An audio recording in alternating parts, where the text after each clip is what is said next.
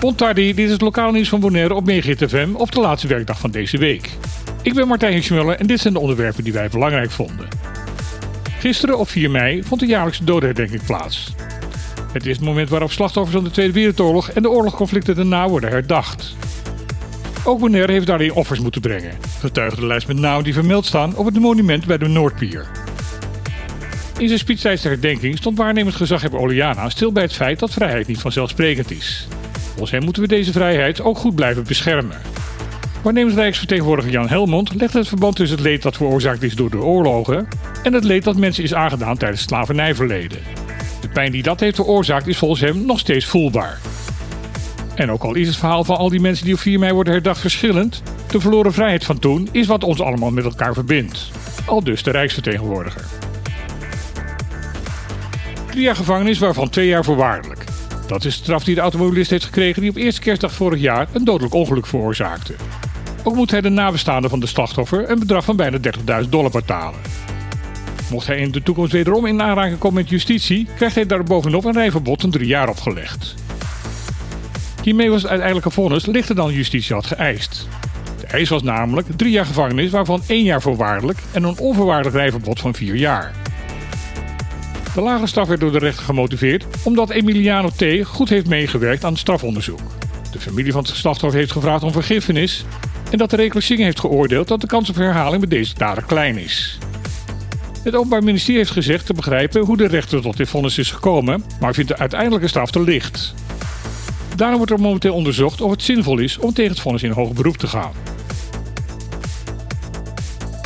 De politieke partij Movement 21 is van mening dat Bonaire in een heel snel tempo aan het vervuilen is. En dat toeristen zich het eiland vooral zullen herinneren als een plek waar overal vuilniszakken rondzwerven en afgedakte rommel lukraak de natuur is gedumpt.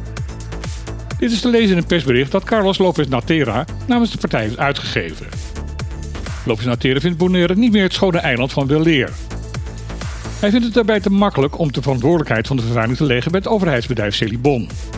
Volgens hem is de taak van dit bedrijf om afval bij mensen en bedrijven op te halen en te verwerken en niet om ervoor te zorgen dat door anderen gedumpt afval uit de natuur wordt gehaald.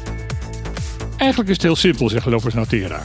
Ja, natuurlijk moet de overheid van Bonaire beter controleren en overtreders bestraffen. Maar het zijn vooral de bewoners van het eiland zelf die hun verantwoordelijkheid moeten gaan nemen en gaan zorgen dat Douche Bonaire weer de mooie schone plek van vroeger wordt. Lopez Natera is er vast van overtuigd dat het teamwerk is om Bonaire leefbaar te houden waarbij de bewoners en overheid samen hun verantwoordelijkheid moeten gaan nemen. De beroemde slavenhuisjes van Bonaire blijken in zeer slechte staat te zijn en moet met spoed opgeknapt worden. Dit is te lezen in een artikel van Bonaire.nu. Naast dat de huisjes veel historische en emotionele waarde vertegenwoordigen, vormen ze het veruit meest door de toeristen gefotografeerde onderwerp van het eiland. De huisjes zijn rond 1850 gebouwd, vermoedelijk om de buitenwereld ervan te overtuigen dat er door de overheid van Bonaire op een nette manier met de tot slaafgemaakte omgegaan werd. Volgens het onderzoek zijn de huisjes snel en zo goedkoop mogelijk neergezet en missen ze daardoor een goede fundering. Hierdoor verzakken de huisjes en ontstaan er scheuren in de muren. Dit kan er uiteindelijk voor gaan zorgen dat de huisjes uit elkaar gaan vallen.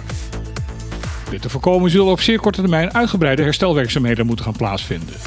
En dat blijkt een probleem te zijn. De huisjes staan in een natuurgebied en de Commissie van Natuurbeheer en de natuurbeheerorganisatie TINAVA moeten toestemming gaan geven voor de werkzaamheden.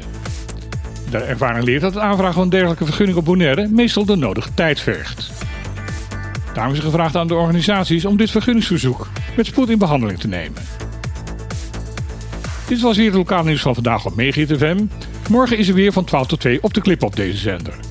Gasten zijn dan de organisatoren van de manifestatie op 12 mei en leden van de werkgroep Dierenwelzijn. Wanneer je daarna gaat luisteren, graag tot morgen. En anders weer heel graag tot maandag.